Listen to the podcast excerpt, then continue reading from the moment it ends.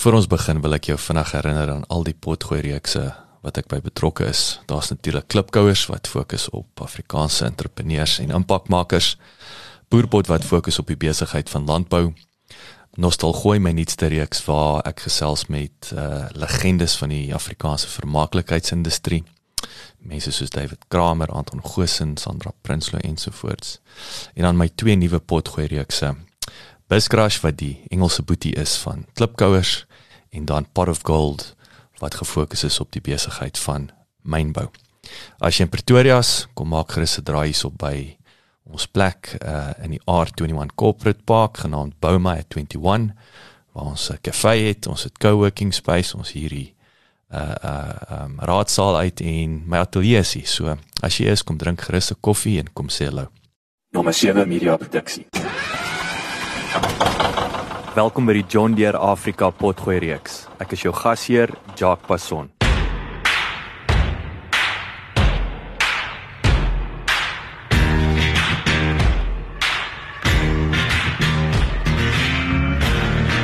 Bernard Skeepers van Ermelo se verhaal is sowel hartroerend as inspirerend. Nadat hy op 'n tragiese wyse al twee sy ouers verloor het in 'n wrede aanval op hulle plaas in 1979, wou hy aanvanklik nie meer boer nie. Hy het begin rondspeel in die eiendomsmark as 'n veiliger alternatief tot landbou. Maar hoewel hy met die tyd 'n indrukwekkende portefeulje van eiendom regoor Suid-Afrika opgebou het, het Bernard intussen ten spyte van die familie tragedie sy passie vir die plaas herontdek. Soveel sodat hy oor die afgelope 2 dekades die boerdery meer as vervierdubbel het. Lekker leer en lekker luister.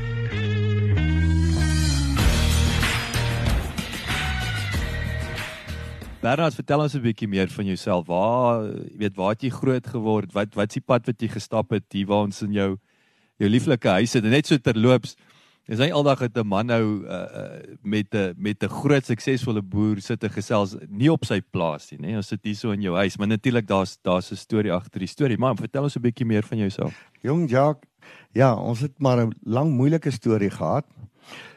Ons boer al vier geslagte hier in Ermelo omgewing. My oupa grootjie het begin hierso. En ons het maar altyd nog boere mense gewees wat hier geboer het. So 20 jaar gelede toe was ons nou ongelukkig een van die slagoffers van 'n plaasaanval waar beide my ouers vermoor is. En dit was maar 'n moeilike tydjie in ons lewe. Daar was boedels om uit te sorteer, familie om voor te sorg en ek moes die hele boerdery die volgende oggend oorvat. Ou het maar regtig 'n 'n redelike wrok gehad en haat in die boerdery maar dis al wat ek wou doen en kon doen. En uh ons het besluit ons gaan aanhou boer, maar ons sal nie 'n sent in die boerdery sit nie. Ons gaan al ons geldjies wat ons het in eiendom sit om te kyk of ons nie iets anderster in die lewe kan doen wat veiliger is nie. En ons het dit so vir 4 jaar gedoen. Waarna ons besluit het wie wat ons passie lê maar in die boerdery. En ons het toe nou stelselmatig minder belê en ons het gefokus op die boerdery. Ek het in die dorp kom bly waar ek veilig voel. En op die oomblik het ons seker die boerdery 4 of 5 keer verdubbel in die laaste 15 jaar. En uh dis maar my passie en dis wat ek wil doen en ek voel veilig in die dorp. So ek wil ek wil net uh jy weet teruggaan na die die die die hoe, hoe op daai stadium eiendom. Hoekom het dit nou maar net sin gemaak en en ook die die die gedagte, ek wil sê daai om te diversifiseer en so aan was dit nou maar uh was dit 'n besigheidsbesluit of was dit suiwer luister ons stelselmatig amper regmaak om weg heeltemal weg te skuif van die landbou. Jong op daai stadium wou ons weg uit die landbou uit. En ehm um, ons wou heeltemal weg en ons wou dit weg van die gevaar, weg van die risiko's. Ek self is gedreig dat ek sou doodgemaak word. So ons het besluit nee, ons wil ophou boer. En toe ons nou werklik na 5 jaar begin boer, toe het um, ons eiendomsontwikkeling in 'n passie verander en dis 'n stokperdjie wat ons nou nog beoefen en dis baie suksesvol en dit gee die boerdery 'n groot stabiliteit omdat ons 'n stabiele inkomste jaar na jaar het wat nie afhanklik is van droogte en weer nie. Met die gevolg is uh dis ons stokperdjie in die boerdery is maar die hoofbedryf nou. Kom ons kyk gou 'n lig op die eiendom. So wat se tipe eiendom, uh, waar in die land, hoe lyk hoe gee ons 'n uh, soos ek sê 'n snapshot van julle eiendomsportefeulje en en op op hierdie stadium.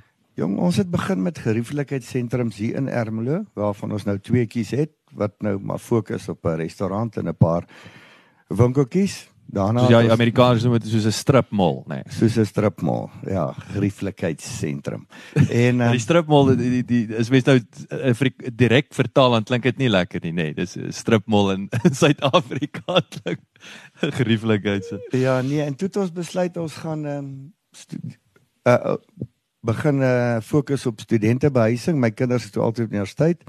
Toe het ons begin in Pretoria studente woonstelle koop. En uh dit was nie vir ons lekker nie. Ons was nog altyd mense wat wou uh, iets doen en 'n 'n projek sien groei. Daarna het ons begin om leë erwe te koop, woonstelblokke te ontwikkel en hulle te verhuur. En uh, alles in Pretoria uh, of of ons het in Pretoria 'n paar blokke gedoen en toe het ons saam met 'n vernoot het ek begin in Witbank, Middelburg, sit huise tot in Katoo. So ons is redelik oor die land versprei. En ehm um, dis weer eens ook gediversifiseerde portefeulje eiendoms wat besighede en kommersieel en residensieel insluit. So hy's baie gediversifiseerd veral nou met corona het party regtig goed gedoen en party regtig sleg. So ons hoop ons kom hierdeur. Maar dit gee maar 'n stabiliteit. Maar ek dink nie ons sal verder ontwikkel in Suid-Afrika eiendom nie. Ons is gefokus op die boerdery en dan om 'n paar rand in die buiteland te kry en te sien waarmee ons dit gaan doen.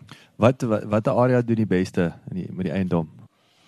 Eiendom om Waterkloof, hierdie nuwe lifestyle dele.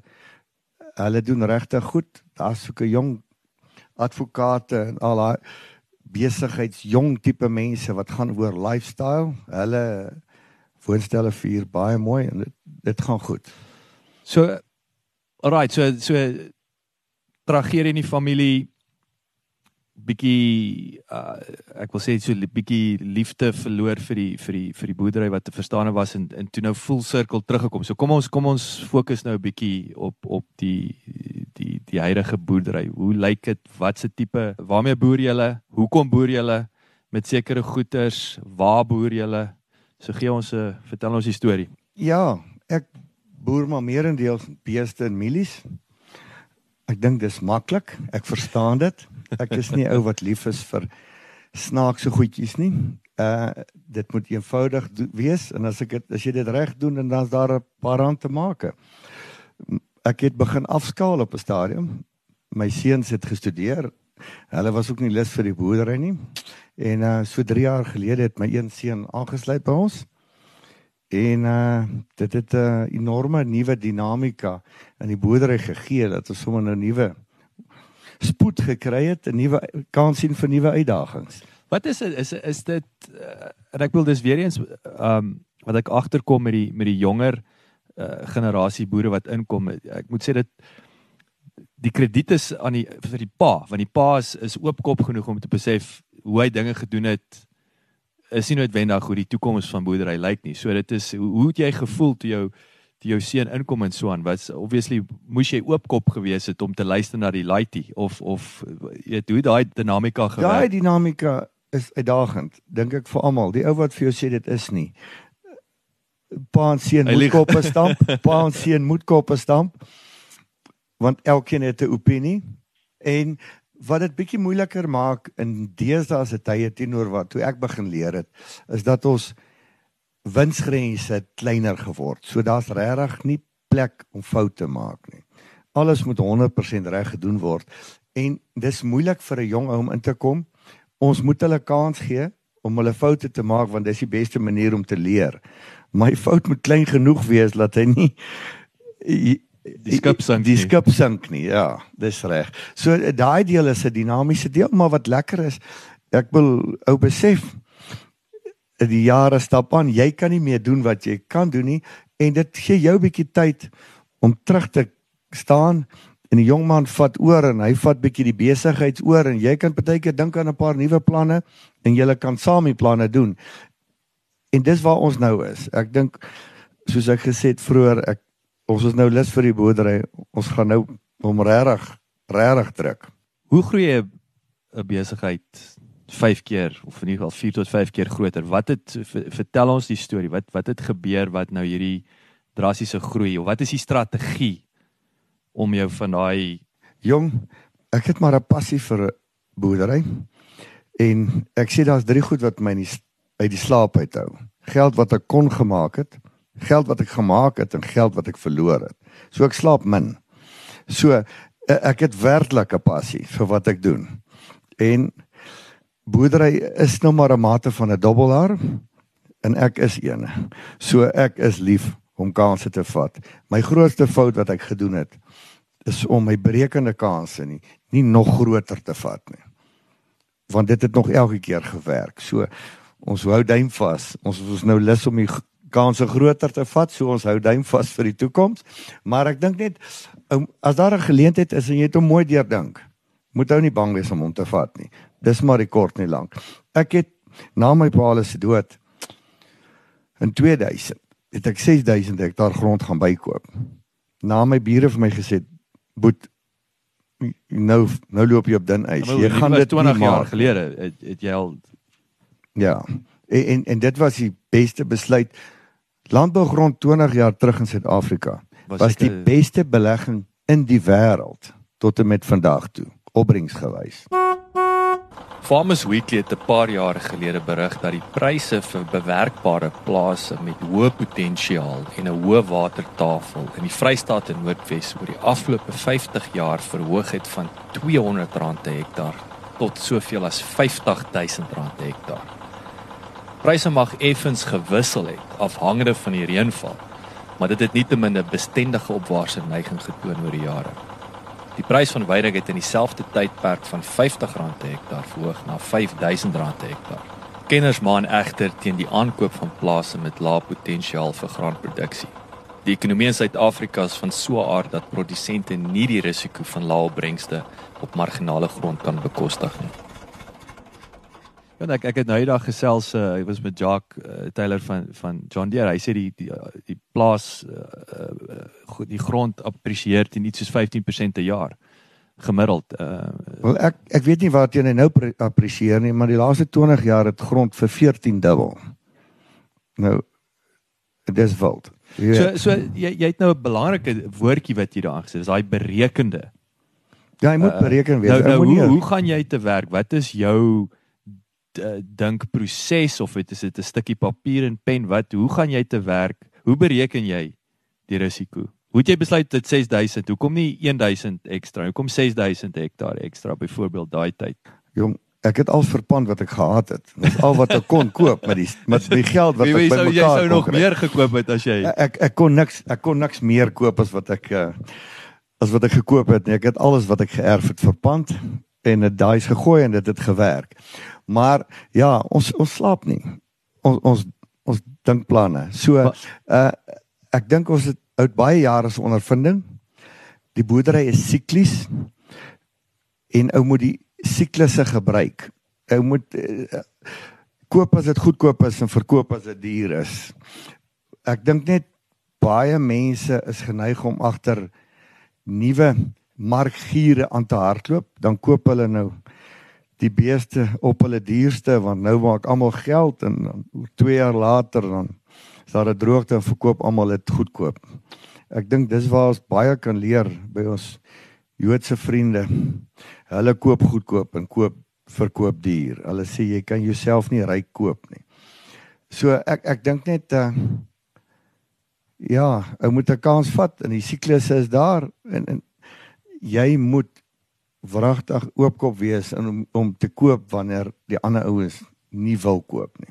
Is amper soos nou selfs nou met COVID nê. Dit is dit is 'n uit en uit 'n 'n kopersmark. Jy weet ek en ek en ek ek praat nie wenner van landbou per se nie, maar dit is nou die tyd die, die, in die sport kom nog nê in terme van eiendom en so aan en dit is die die die ironie ek dink Warren Buffett sê dit ook. Jy jy weet jy jy maak jou geld in die krisistye, maar dit is nie almal wat uh uh, baie ouens het hulle gat gesien nou in die krisistyd. Nou kan hy juis nie koop as alles op 'n bargain is nie.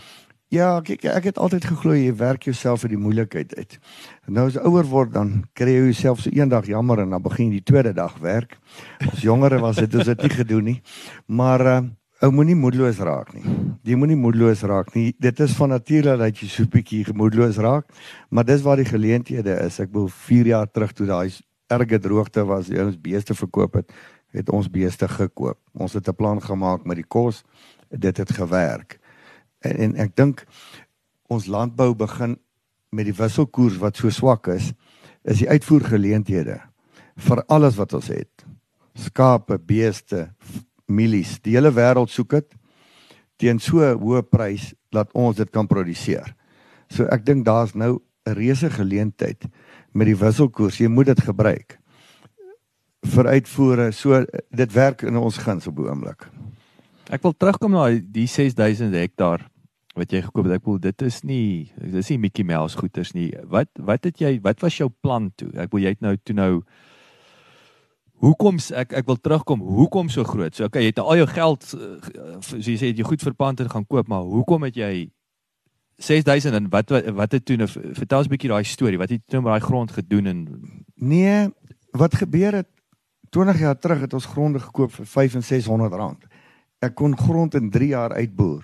Daar was weer eens dieselfde onsekerheid wat nou ons bedreig oor uh eiendomssekerheid.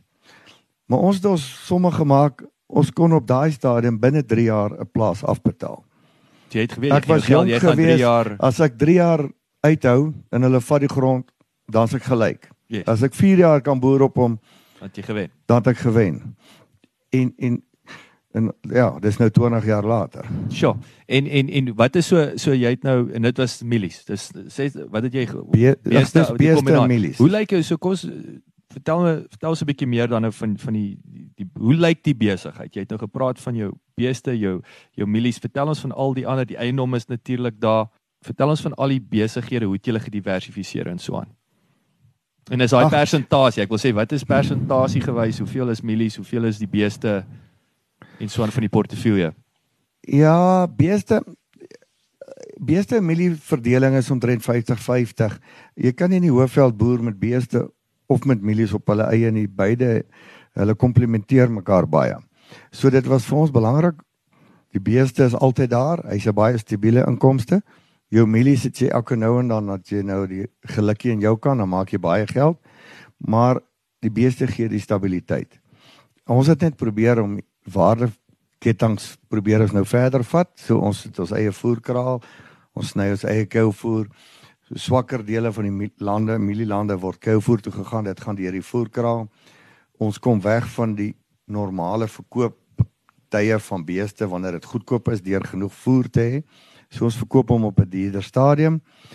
En uh die mielies probeer ons ook nou maar ware toevoeging ons doen ons graanbemarking baie effektief wat deesdae seker 30% van jou netto wins bepaal op 'n mielieboerdery. En ons is nou besig om silo's op te sit sodat ons die vervoer diferensiale ook kan afkry dat ons probeer om kyk of jy elke sent in die waardeketting te kry. En en weer eens met die silo nou jy kan jy kan sit en wag tot die prys reg is nê nee, is dit nou is dit ook een van die eh, motiveerders Dis definitief so ek wil jy moet wag tot die prys reg is. En en daarvoor moet jy nou maar 'n sterk bank agter jou hê wat so 'n bietjie kan sorg dat die kapitaal nie opraak nie. En dis nodig en ons gebruik hulle. En die rentekoers is nou lekker laag. So ons ons moet nou, ons moet nou regtig die kanse vat. Hulle is daar. En hierdie wêreld dit lyk vir my in elk geval net dit is is is jou jou besin in en en en en milies gaan hand aan hand. Ek kry dit is vir die meeste van die ouens in die omgewing. Is dit nou maar net die klimaat uh, of kan jy net met jou beeste wegkom? Kan dit en of wees of moet dit beide wees? Jong, dit moet beide wees. 'n Skaap maak jy nog meer geld met 'n uh, as met 'n bees. Maar hulle steel 300 'n maand. Ek wou sê die takeaway, takeaways. Ons het groot met skape geboer. Ons het amper mal geraak. So, skaap werk nie. Hulle steel hulle te maklik en jy's heeltyd besig met 'n oorlog. Daarvoor het ons besluit ons is nie meer gaan dit nie meer doen nie boer beesboerdery is baie ekstensief. Ons boer omtrent 100 km radius om die dorp. Met die gevolg is dit vir ons maklik. Ons diefstal is minimum amper niks. Hoekom? Ek weet nie. Ons ons doen regtig moeite as daar iets wegraak. Ons kry my helikopters, ons sal soek. Intimideer die manne wat ons dink uh die daar's da, so as Engels maar sê daar's deterrents. Daar is deterrents. So uh ag ons ken ons wêreld, ons het hier groot geword. So en, en jy moet met jy kan nie met beeste op ons eie boer nie. Ons het 'n suurveld, lang winters. Hy oorleef nie.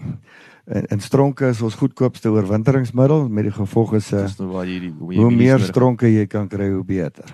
Wie nou nou gesê uh, Jakes uh, van die hierdie hierdie was die grootste skaapwêreld. Was dit Johan wat gesê het want ek het ek was nou verbaas toe toe ek het altyd gedink jy weet jou Karoo of daar in die Suid-Vrystaat is jou en ek weet nou in die Suid-Vrystaat daai jare ek dink ou president Forsie of iets was ek onthou in die 60's sê hy was die eerste skaapboer wat 'n miljoen rand check vir vir sy wol gekry het. Um wat maar hoe hoe is hierdie skaapwêreld? Ek in terme van van die klimaatverskil so drasties van die Karoo en en en die Suid-Vrystaat. Wat wat maak hierdie wêreld so aantreklik vir skaap? Man, ek weet nie. Toe ek groot geword het, ons het 7000 skape gehad en ons was 'n gemiddelde skaapboer, nie 'n groot skaapboer in daai dae.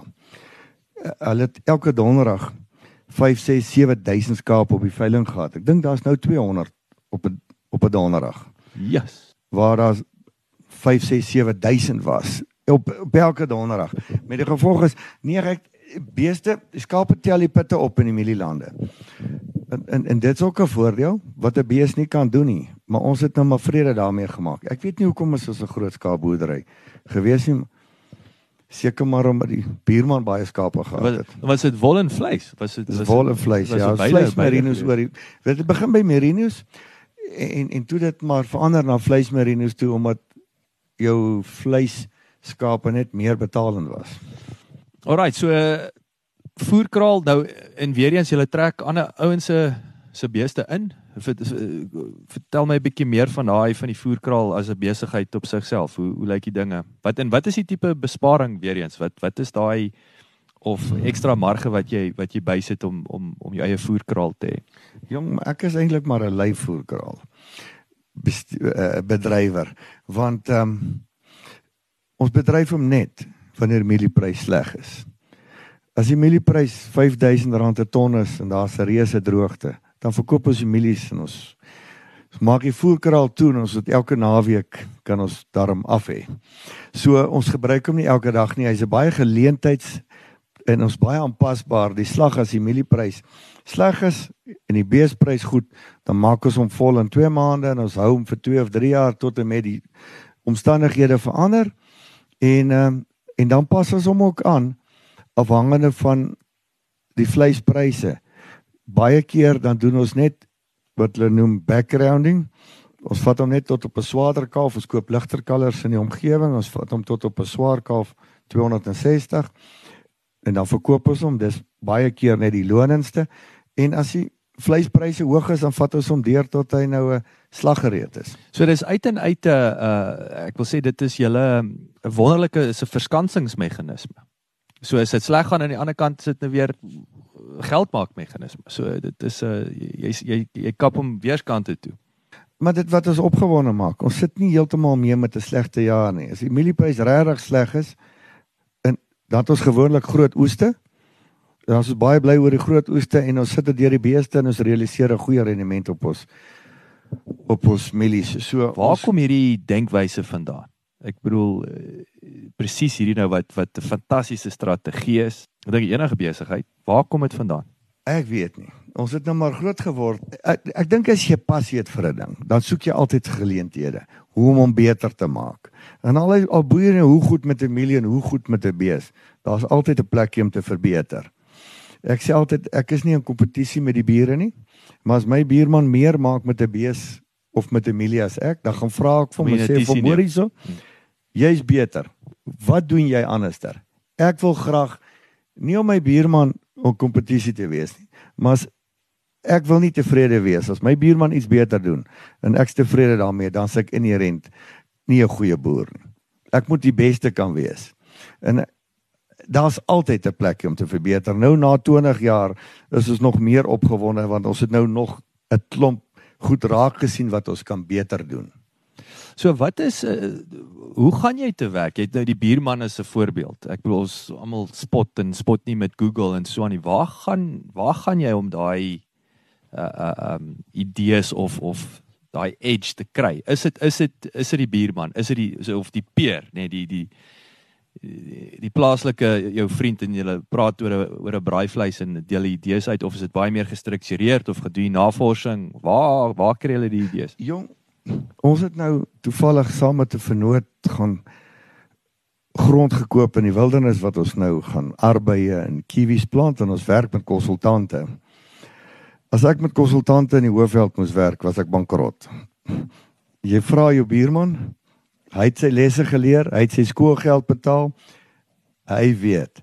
En, en dan moet jy maar 'n bietjie eie inisiatief toon. Ek wil daai nuwe ideetjies eh, is waar die geld lê wat nog niemand aan gedink het nie. Jy moet nou maar 'n bietjie innoveer en dink en en en planne maak. Ek weet nie, dalk het 'n boere plan, ek weet nie. Maar ek om om die basiese beginsels in boerdery en dit wat ons nou gesien in 'n nuwe boerdery wat ons begin het. Gaan vra jou bure, hulle die skoolgeld betaal, hulle weet beter as enige konsultant. En dan van daar af dan gebruik jy nou maar eie diskresie en bietjie vernuftigheid om hom verder te vat. So kom ons praat nou oor konsultante. Hoekom het hulle nou daai uh dier stap geneem? En en jy sê wildernis, kiwi in in in arbeid. Ja. So vertel ons 'n bietjie meer daarvan. Ag man, is nou so stokperdjie. Dalk dink ons om daar te gaan aftree, die lewe is so bietjie rustiger. Maar uh, dis eers oor 'n paar jaar. So ons wil bietjie ons voete daar aansteek en kyk. Ons het 'n klomp mense gaan sien en elkeen praat 'n ander storie. So ons gaan nou 'n paar goedjies probeer. Ons gaan avokado pere plant. Dis die groot ding in George nou. Dis seker die heel grootste daar so boomlik wat die beste potensiaal toon. Die ander korttermyn gewasse bietjie met cashflow in die gang te hou. Anderster is dit bietjie 'n bodemlose put. Maar uh, ons het niks geweet nie. So ons moes eers begin. So ons het maar konsultante gevra. En en ek dink daar's te veel boeke kennis en te min praktiese kennis. Dit kom nie by mekaar nie. Maar dis nou weer waar jy is nou pioniers om 'n ding aan te pak. Daarso, maar so jy sê daar's nou nie 'n ander ou wat nou reeds die of is daar? Ek bedoel hoekom hoe hoe die uh uh hoekom arbeie en en en en kiwis? Ja, ons het dit maar gedoen arbeie want dit is vinnig. Binne 6 maande begin jy kontantvloei genereer. Daar is baie ander boere maar so klein bietjie geheimsinnig. Hulle soek nie nuwe kompetisie nie. So, ehm um, ons het met 'n paar gepraat en dit is so uiteenlopend dat ons maar besluit het, weet jy wat? Ons gaan nou maar die so 'n ding probeer en kyk wat werk die beste en ons gaan dit probeer doen so reg as moontlik. So ons het nou die konsultante en die boere en almal gevra en ons probeer nou maar die die inligting sif. Ja. Om te kyk wat is die beste en ek is seker ons gaan skoolgeld betaal solank dit ook weer nie die appelkar omgooi nie. Maar dis weer 'n nuwe uitdaging. Jy het 'n interessante ding eh, voor ek rekord gedruk het dat jy eh, weet jy het 'n bietjie tyd in Kanada spandeer ander ander Suid-Afrikaanse boere en daar jy het 'n interessante ding genoem van hoe die boere daar werk versus hoe julle ouens hierso werk. Vertel ons 'n bietjie van jou observasie van die ehm um, kan ek sê die een man saak amper versus die besigheidsman verskil. Ja, ek dink dit is amper die grootste uh, verskil. In Kanada kan jy net soveel doen want arbeid is duur en en jy is jou hoofarbeidbron. Met die gevolg is jy jy's in 'n ander land ja, hy het sy uitdagings want jy kan net soveel doen. Hier by ons is jy meer 'n besigheidsman amper as wat jy 'n boer is. Ek dink daar gaan jy terug en, en jy word 'n bietjie van 'n arbeider en 'n boer waar jy hierdie kant ook dalk nou maar meer 'n boer en 'n besigheidsman is want jy mense wat vir jou werk jy weet dit is makliker in Suid-Afrika die mense in Kanada is baie gelukkig hulle is suksesvol maar hulle kan net soveel doen dan raak arbeid regtig 'n faktor. So as jy is so weer eens 'n 'n persoonlikheidstipe aan ouens, hulle is, hulle wil elke dag in die lande wees en dis oukei. Okay. Hulle kan suksesvol wees, ander manne wil wil woeker. soek verskeidenheid of wat en vir jou wat is dit? Soek jy is dit die is dit daai uitdaging van van die nuwe uh, besigheidsgeleentheid of moet jy nog steeds jou uh, ek wil sê jou plaas inspuiting kry en 'n 'n draai op 'n trekker gaan ry of gaan stap in die lande? Man, ek is ek is ek is lief vir boer. So kantoorwerk martel my. Sit nie in 'n kantoor nie. Ek boer nog steeds. Ek het nie nodig nie. Ons het genoeg mense wat vir ons werk. Maar ek is nie gelukkige posisie. Ek hou daarvan om te werk. So ek sal nie skroom om 'n trekker reg te maak nie. Met John Deere agents bietjie duur. Ehm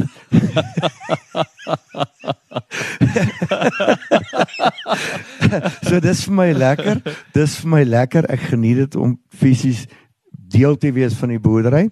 En dan as ek wil, dan kan ek wegstap en ek kan die bestuur en die beplanning doen. En uh, met my seun wat nou by boerdery is, hy begin nou meer die dag tot dag bestuur doen van die boerdery en ek kry bietjie meer tyd om net te doen wat ek van hou. So uh en my vrou doen die papierwerk. Dit bly 'n probleem. Ek betaal my rekening oues net na die reën. So uh ek hou nie van papierwerk nie. Dis een van die moeilikste dele van boerdery. Uh die res is maklik. Wat wat is ek uh, laaste vraag oor oor oor dit wat wat is die ding wat jou die grootste hoe kan ek sê daai houpel in jou knippel gee? Is daar spesifieke ding? So ek sê party ons is gebou vir admin. Ander ouens wil wil wheel and deal, ander manne wil uh uh um net op die trekker rondry. Wat wat wat wat gee jou jou grootste kiek in in, in besigheid? Jessie man, ek dink boerdery is van die bedrywe wat jou die meeste werksbevrediging gee. As jy daar 'n mielie mooi geplant het en die stand is mooi en dit reën en die opbrengs is mooi, dan's daar min goed wat daarby kom. En ons het dit maar gedoen met ons eiendomme ook. Ons het besluit heeltemal teen om 'n ding te koop. Ons bou hom, ons ontwerp hom van, van niks of van daai plan op papier en jy sien hom fisies hier groei. Wel ons doen dit in al ons goederes, in ons beleggings en ons bemarking. Uh, dis my besluit en, en dis jou creation. Ek weet nie wat se woord daarvoor nie, maar jy daai werkbevrediging wat jy het om my idee te hê en om hom deur te voer tot op die ander kant of dit nou beeste is om 'n plant te maak met beeste of jou voerkraal. Daai ding gee jou net eenvoudig ongelooflike werksbevrediging wat ek dink nie enige ander beroep dit jou gee nie. En ek dink dis dalk hoekom baie ouens hulle bankrot plant ook. Dit is net te lekker. Vergeet actually waar hoekom my plant. hoe hoe lyk like, is, is dit nou so dis die die die die die hoofbene ons het nou gepraat ons het mielies ons het uh, uh, vee ons het voerkraal um, kyk nou na uh, vrugte geleenthede in in in in in George uh, wildernis omgewing wat wat is daar nog in die portefeulje en in eiendom natuurlik nee ek is ek is happy soos dit nou, nou is dit is, en, en, en, en ek weet jy het 'n bietjie daar's vinger in die paai in Kanada ook nê nee, so daar's is alright dis ou genoeg Ja, ek ek ek dink is genoeg vir eers. Ag ek het so 'n paar geelmasjiene, so ons bou bietjie vir die bure damme. Dis vir my lekker. Ons het van kleins af van geelmasjiene gehou. Ons het verkoop die hele dorp se grys kom van my plaas af. So ehm um, dit is so stokperdjie daai, die geelmasjiene. So ons het 'n klompie goed wat rondhardloop in grys rondry. Maar uh, eintlik is dit eintlik is maar net 'n stokperdjie, maar dis ek dink ons het genoeg om ons besig te hou. Meer genoeg.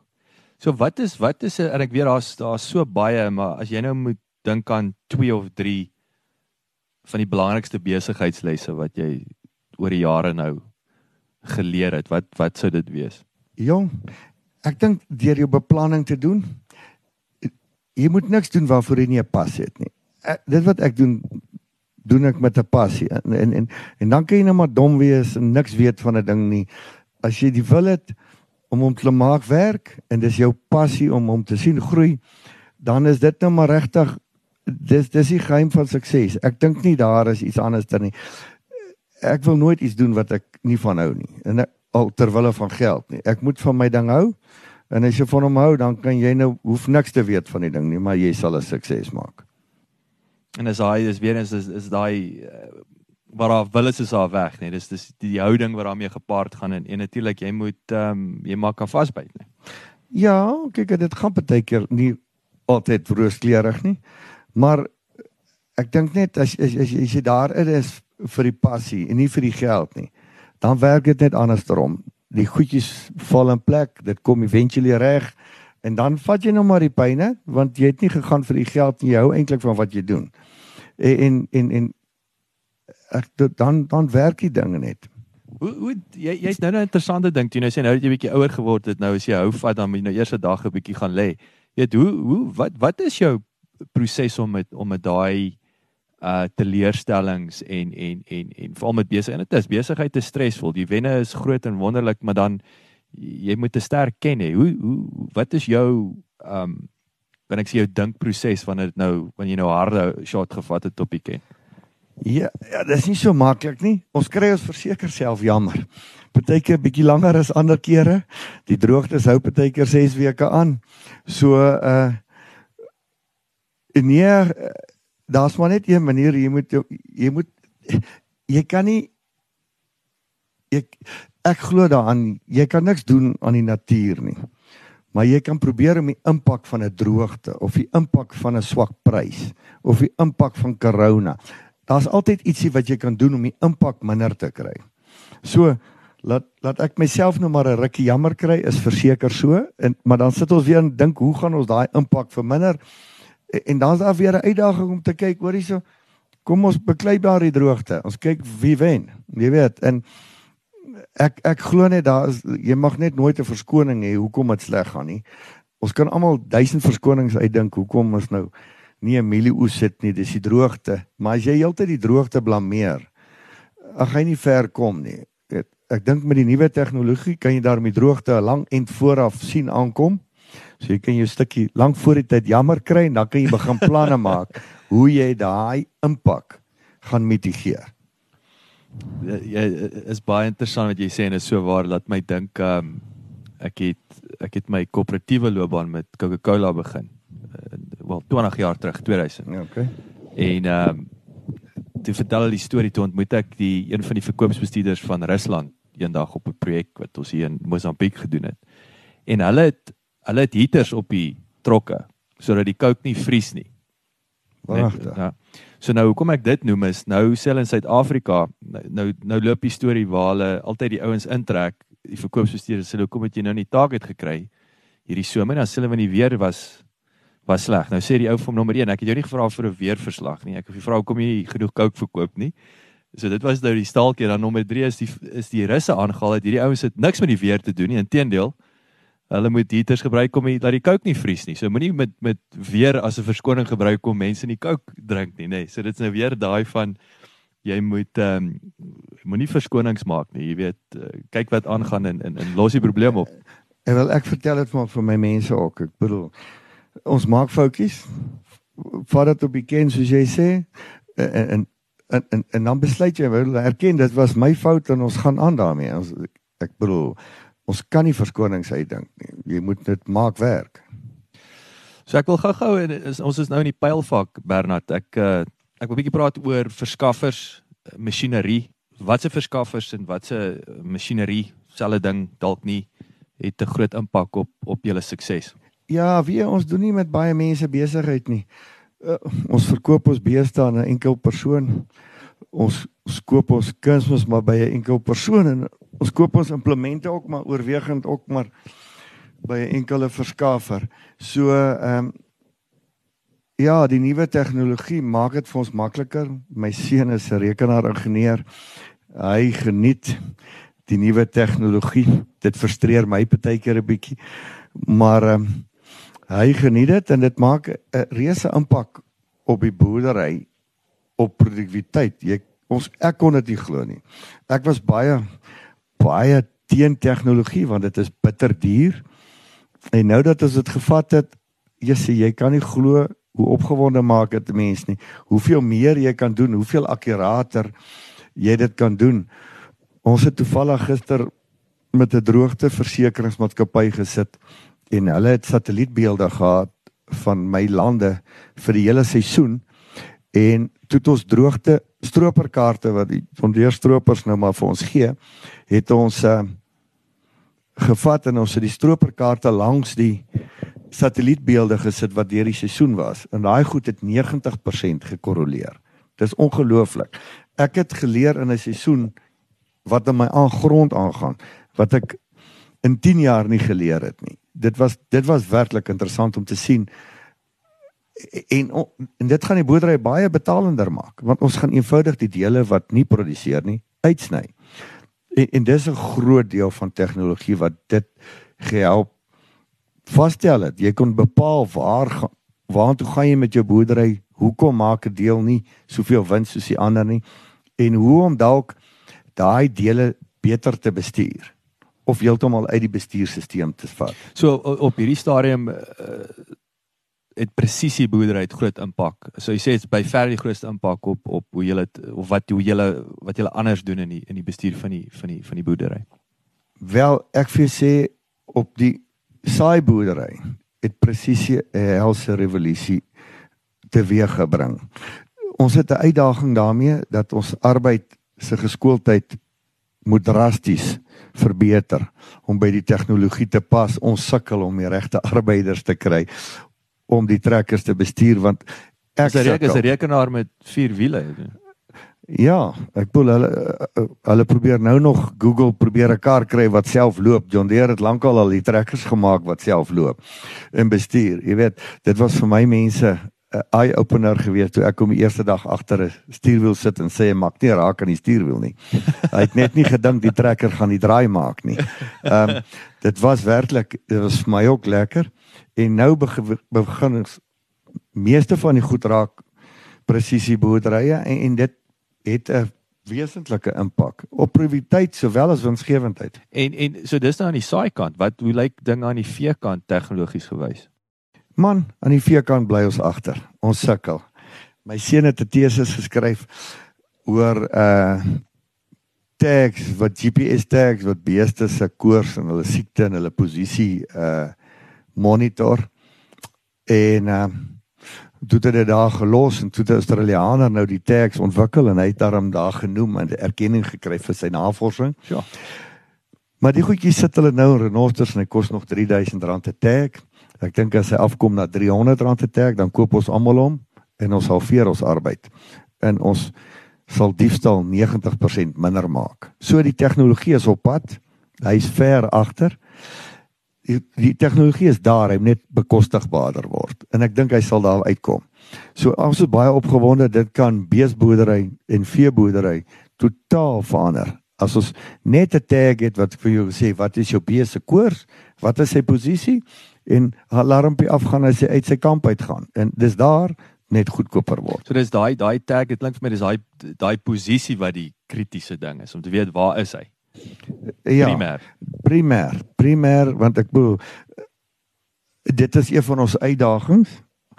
Corona dink ek gaan dit grootliks nog verder meer beklemtoon omdat daar duisende mense is wat honger ly en hulle enigste mate van oorlewing is diefstal, het nie 'n keuse nie. En dit gaan 'n groot druk sit op veeboerdery en doen reeds en uh, ons sal moet 'n plan kry om dit probeer te bestuur.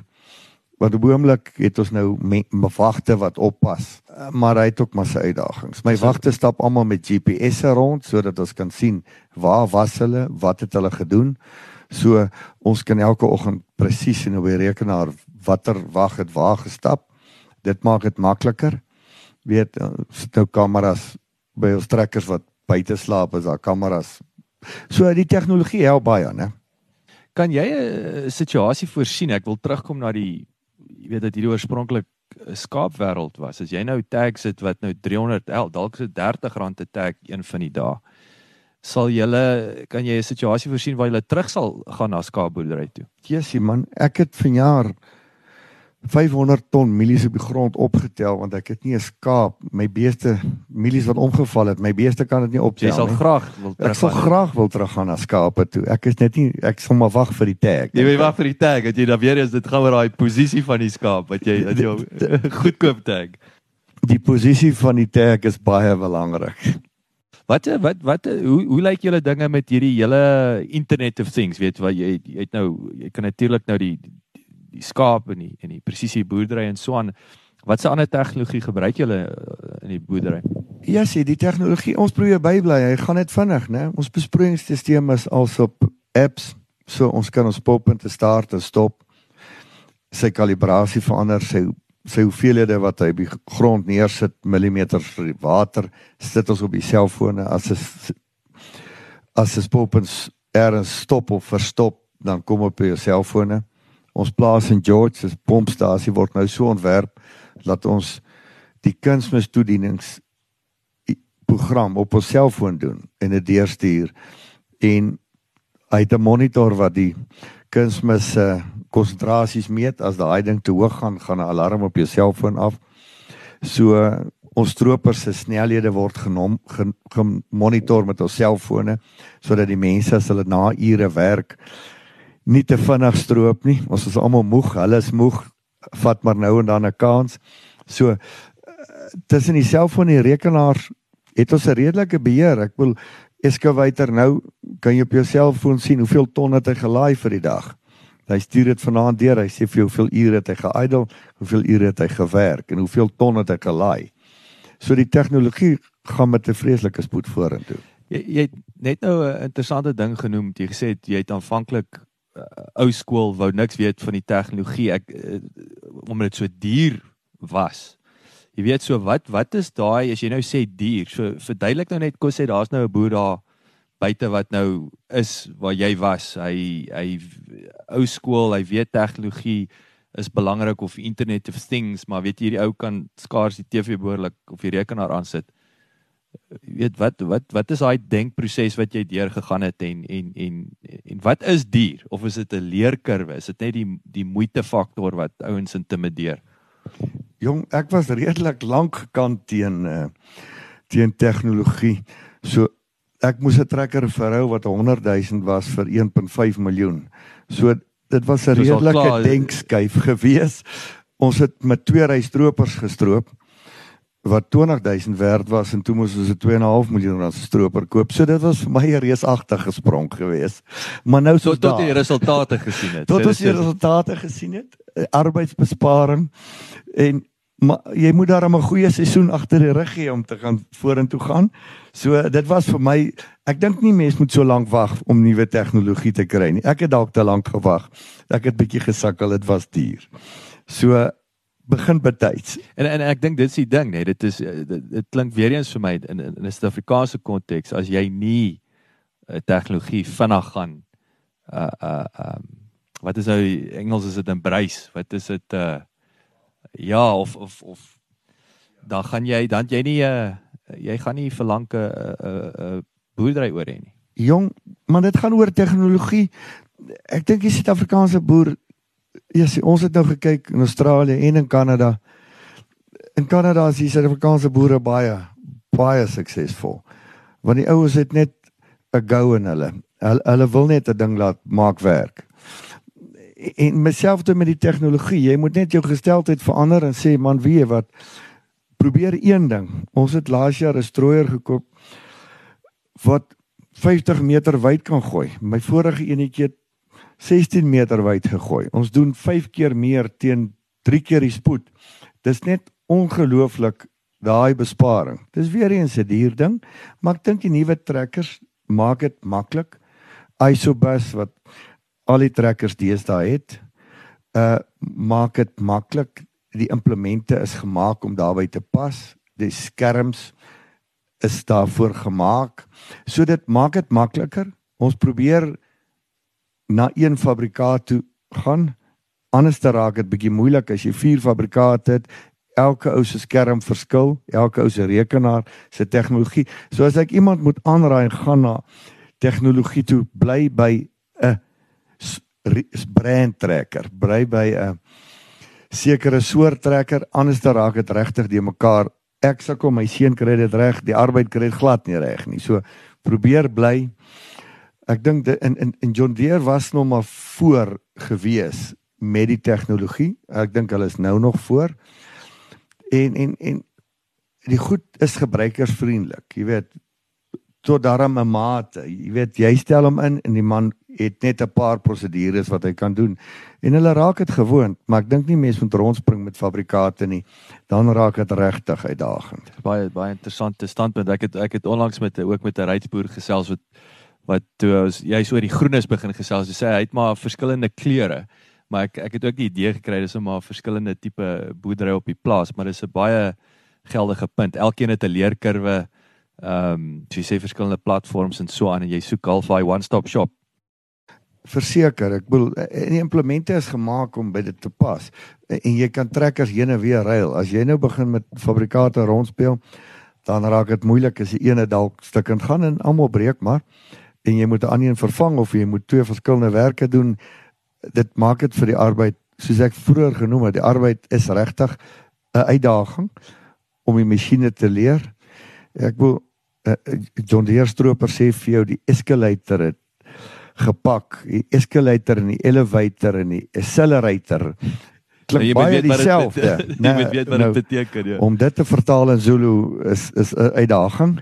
So uh jy moet nou maar daai goedjies leer en ons het nou maar wat om dit bietjie te oorkom, gee ons vir die mense data. Ons koop vir my drywers data.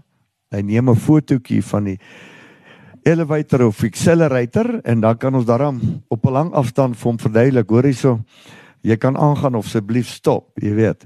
So want partykeer sê vir jou daar's geen olie in die radkas nie. So ek kan nie die man sê weet ignoreer die warnings, ek sal môre kom nie. Jy op 'n 1.5 miljoen rand trek. Verseker nie.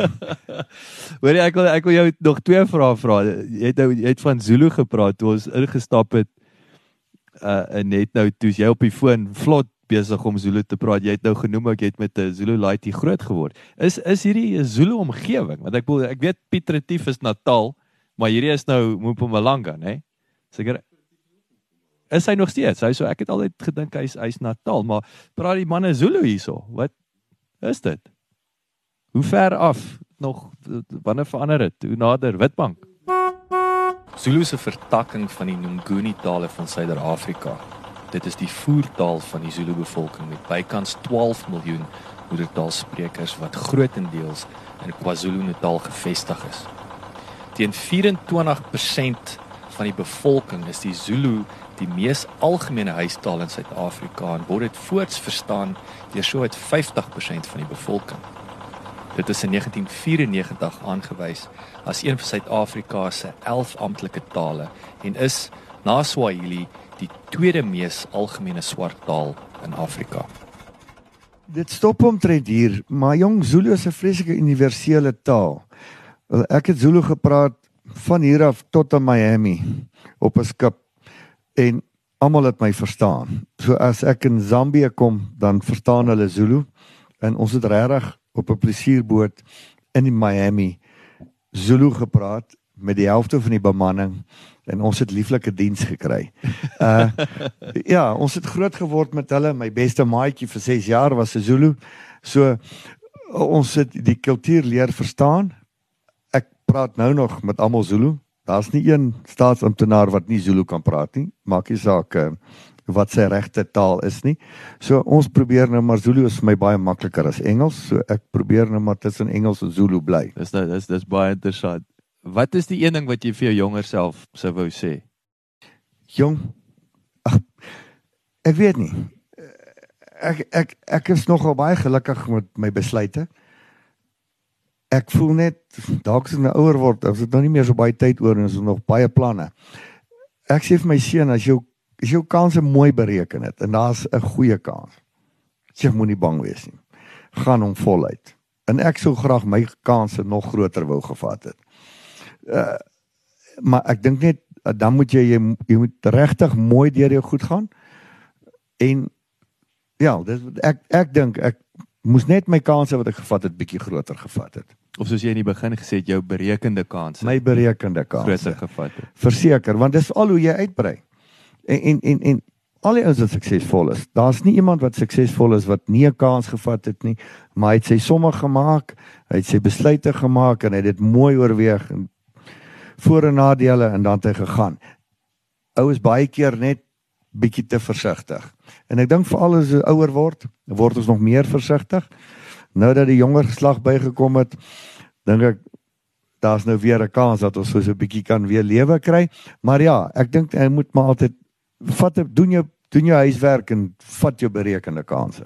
Bernard, verskriklik dankie vir jou tyd. Ek weet Vrydag middag mense is nou moeg, is nou tyd vir braai en naweek en so aan. So dankie vir jou tyd. Dit is lekker om hier in jou warm pragtige sitkamer te sit want dit is blerry koud buite.